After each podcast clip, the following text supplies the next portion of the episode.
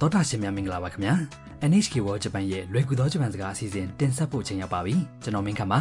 ကျမအပွင့်မှာဂျပန်စကားကိုအတူတူပျော်ပျော်ရွှင်ရွှင်သင်ယူကြပါစို့ ဒီကနေ့သင်ခန်းစာ24မှာကိုမစားနိုင်တဲ့အရာကိုပြောတဲ့အသုံးအနှုန်းကိုလေ့လာပါမယ်အစီအစဉ်နောက်ပိုင်းမှာဂျပန်ကမနက်စာတွေအကြောင်းမိတ်ဆက်ပေးပါမယ် ဒီဇလန်ရဲ့အဓိကဇာတ်ကောင်က Harrison House မှာနေတဲ့ VNN ကလာတဲ့ကျောင်းသူတန်ဖြစ်ပါတယ်ဒီနေ့တော့အချက်ပြုတ်ဝါသနာပါတဲ့ Guide တို့က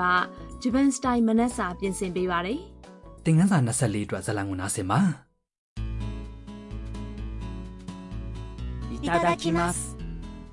日本食は健康にいいんですよこれ生卵ですかはいすみません私生卵は食べられませんそうじゃあ納豆もダメ納豆大好きです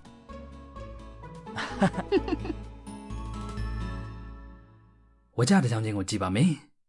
ဇပွဲပေါ်မှာထမင်းမီဆိုဟင်းညိုငါးကင်စတဲ့မနက်စာကိုပြင်ဆင်ထားပါတယ် Guide တို့နဲ့တမ်တို့အစားအစာမစားခင်ဂျပန်လူမျိုးတို့ပြောကြတဲ့စကားကိုပြောလိုက်ပါတယ်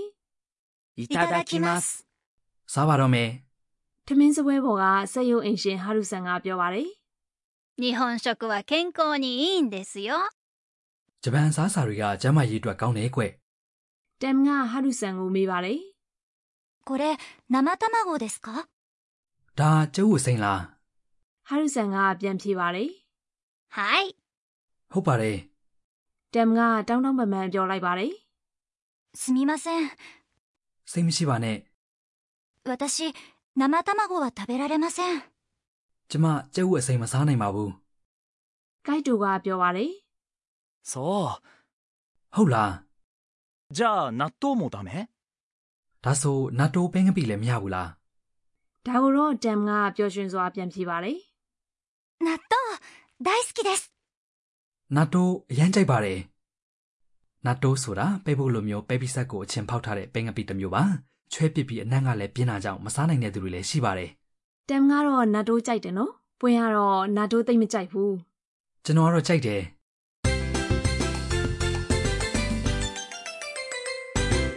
ဒီကနေ့အတွက်အထက်ကအတောင်းတော့က 生卵は食べられません ကျုပ်အစိမ်မစားနိုင်ပါဘူးဖြစ်ပါတယ်ဒီပုံစံကိုသိသွားပြီဆိုရင်ကိုယ်မစားနိုင်တဲ့အရာတွေကိုပြောတတ်သွားပြီဖြစ်ပါတယ်စကားစုရဲ့အထိပ္ပယ်တွေကိုကြည့်ပါမယ် 生卵 ဆိုတာကျုပ်အစိမ် 食べられません ဆိုတာမစားနိုင်ပါဘူးဖြစ်ပါတယ်ဒီကနေ့အတွက်အဓိကအချက်က 食べられません မစားနိုင်ပါဘူးဆိုတာလိုမျိုးကိုမလုံနိုင်တဲ့အရာကိုပြောတဲ့ပုံစံဖြစ်ပါတယ် 食べる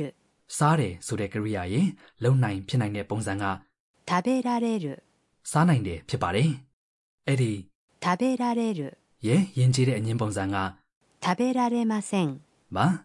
လောလောဆယ်တော့ 食べられません ဆိုတဲ့အတိုင်းပဲမှတ်ထားရင်ရပါပြီ ။ဟုတ်ကဲ့။မစားနိုင်ဘူးဆိုရင်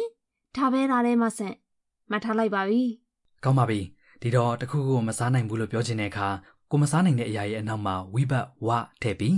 食べられません လို့ပြောလိုက်ရင်ရပါပြီ ။ကဲနောက်ကလိုက်ပြီးပြောကြည့်ရအောင်။ 食べられません生卵は食べられません生卵は食べられません တော်ရရှင်တို့လိုက်ပြောလို့ရကြရဲ့နော် ဂျပန်စားစာစားကနေကိုမစားနိုင်တဲ့အရာကိုပြောနေတဲ့ဥပမာစကားပြောကိုနားထောင်ကြည့်ပါ どうぞたくさん食べてくださいすみません私刺身は食べられません အဓိပ္ပာယ်တွေကိုကြည့်အောင် どうぞたくさん食べてください ။ကဲအများကြီးစားပါအောင် どうぞ ဆိုတာဟော်ဒီမာပါကြွပါစသဖြင့်တစ်ခုခုအတွက်ဖိတ်ခေါ်တိုက်တွန်းတဲ့အခါသုံးတဲ့အသုံးအနှုန်းဖြစ်ပါတယ်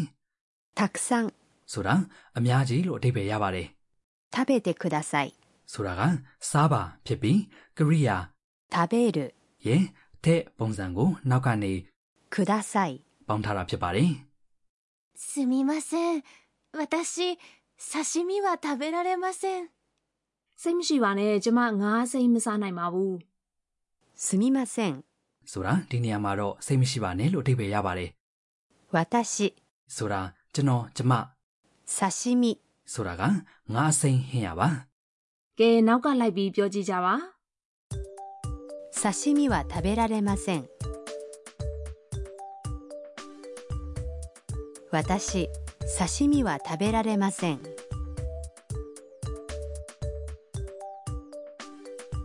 すみません。私、刺身は食べられません。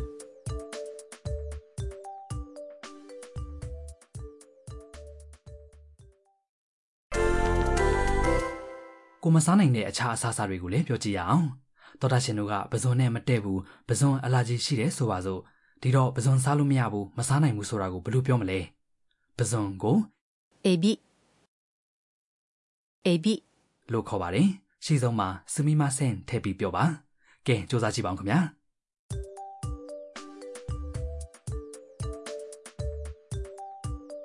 すみません私エビは食べられません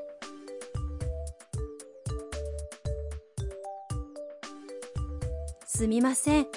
私エビは食べられません ဒီတစ်ခါဝက်သားစားလို့မရပါဘူးမစားနိုင်ပါဘူးလို့ပြောကြည့်ရအောင်ဝက်သားက 豚肉、豚肉、 ပါကဲပြောကြည့်ပါအောင်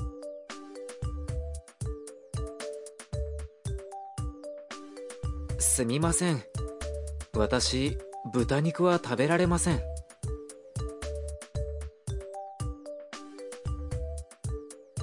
すみません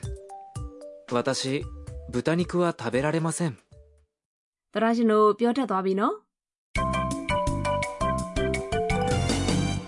ဒီကနေ့အတွက်အဖို့စစ်စကားကတမ်နဲ့ခိုက်တိုတို့ပြောလိုက်တဲ့စကားပါအလွတ်မှတ်ထားပြီးပြန်သုံးကြည့်ပါခင်ဗျာ いただきますいただきます。 ဆိုတာအစားအစာစားကန်ဒီမှာပြောတဲ့စကားဖြစ်ပြီးချက်ပြုတ်ပြင်ဆင်ပေးတဲ့သူနဲ့အစားအစာပေါ်ကျေးဇူးတင်တဲ့ခံစားချက်ကိုဖော်ပြတာဖြစ်ပါတယ်လက်ဟုတ်ချပြီးပြောတာမျိုးလည်းရှိပါတယ်စားလို့ပြီးသွားတဲ့အခါ ごちそうさまでした。 လို့ပြောပါတယ်ဒါကြောင့် いただきます。 နဲ ごちそうさまでした。 ကိုအတွဲလိုက်အလွတ်မှတ်ထားပါခင်ဗျာ တစ်ခေါက်ပြန်နားထောင်ပြီးလိုက်ပြောကြည့်ပါဦး いただきます。ごちそうさまでした。 ထမင်းစားတဲ့အခါဒီစကားကိုသုံးပြအောင်သုံးကြည့်ကြပါနော် ဒီကနေ့ရဲ့ဇတ်လံကိုနောက်တစ်ချိန်ပြန်နှားထောင်ပါမယ်တမ်ကသူမစားနိုင်တဲ့အရာကိုပြောလိုက်တဲ့အပိုင်းကိုတေချာအယုံစိုက်ပြီးတော့နှားထောင်ပါ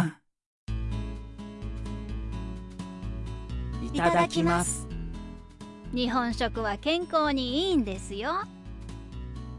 これ生卵ですかいすみません私生卵は食べられませんそうじゃあ納豆もダメ納豆大好きです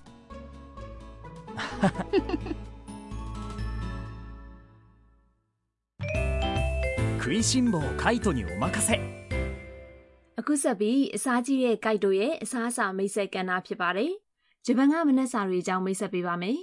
မပွင့်ရင်ဂျပန်ကမနက်စာလို့ပြောလိုက်ရင်ဘယ်လိုမျိုးလို့မြင်အောင်သွားလဲ ဒီဇလန်နဲ့မှာပါသလိုပဲထမင်းရဲ့မင်းစောဟင်းညိုရဲ့ငါးကင်ရဲ့လို့ထင်တယ် ဟုတ်ပါတယ်အဲ့ဒါကဂျပန်ပုံစံမနက်စာပါထမင်းနဲ့နာတိုရင်းကြီးကြောက်ဥမေဘိုရှိလို့ခေါ်တဲ့မမ်မွန်သီးစားစိမ်နဲ့ကျဲဥတို့စားတာလည်းရှိပါတယ်ဇလန်နဲ့မှာပါတာကကျဲဥစိမ်ဆိုပေမဲ့ဂျပန်စတိုင်ကျဲဥကျော်ကိုစားတာလည်းများပါတယ် အနောက်တိုင်းပုံစံမနက်စာရော အဲ့ဒါလည်းတော်တော်များများစားကြပါတယ်အခုနောက်ပိုင်းပမုံနဲ့ကျဲဥမကြက်တစ်ချက်ကျော်အသီးဖြော်ရည်ကော်ဖီစသဖြင့်စားတဲ့သူတွေများလာပါတယ် ဟိုတယ်တွေတဲခိုခန်းတွေမှာရောဘယ်လိုမနက်စာကျွေးလဲရင် ဂျပန်စတိုင်တဲဝမ်တွေမှာကအများအပြားဂျပန်ပုံစံမနက်စာကိုကျွေးပါတယ်။ဟိုတယ်တော်တော်များများကတော့ဂျပန်ပုံစံလားအနောက်တိုင်းပုံစံလားရွေးချယ်လို့ရပါတယ်။နှမျိုးစလုံးပါတဲ့ဘူဖေးပုံစံကျွေးတဲ့နေရာတွေလည်းရှိပါတယ် ကိုကြိုက်တဲ့အစားအစာကိုကြိုက်တဲ့လောက်စားလို့ရတာသိပ်ကောင်းတာပဲနော်ဝယ်ရတော့စားစရာမျိုးစုံစားကြည့်ကျင်တာပါပဲ ။ကျွန်တော်ရောက်ရဲ့မရေ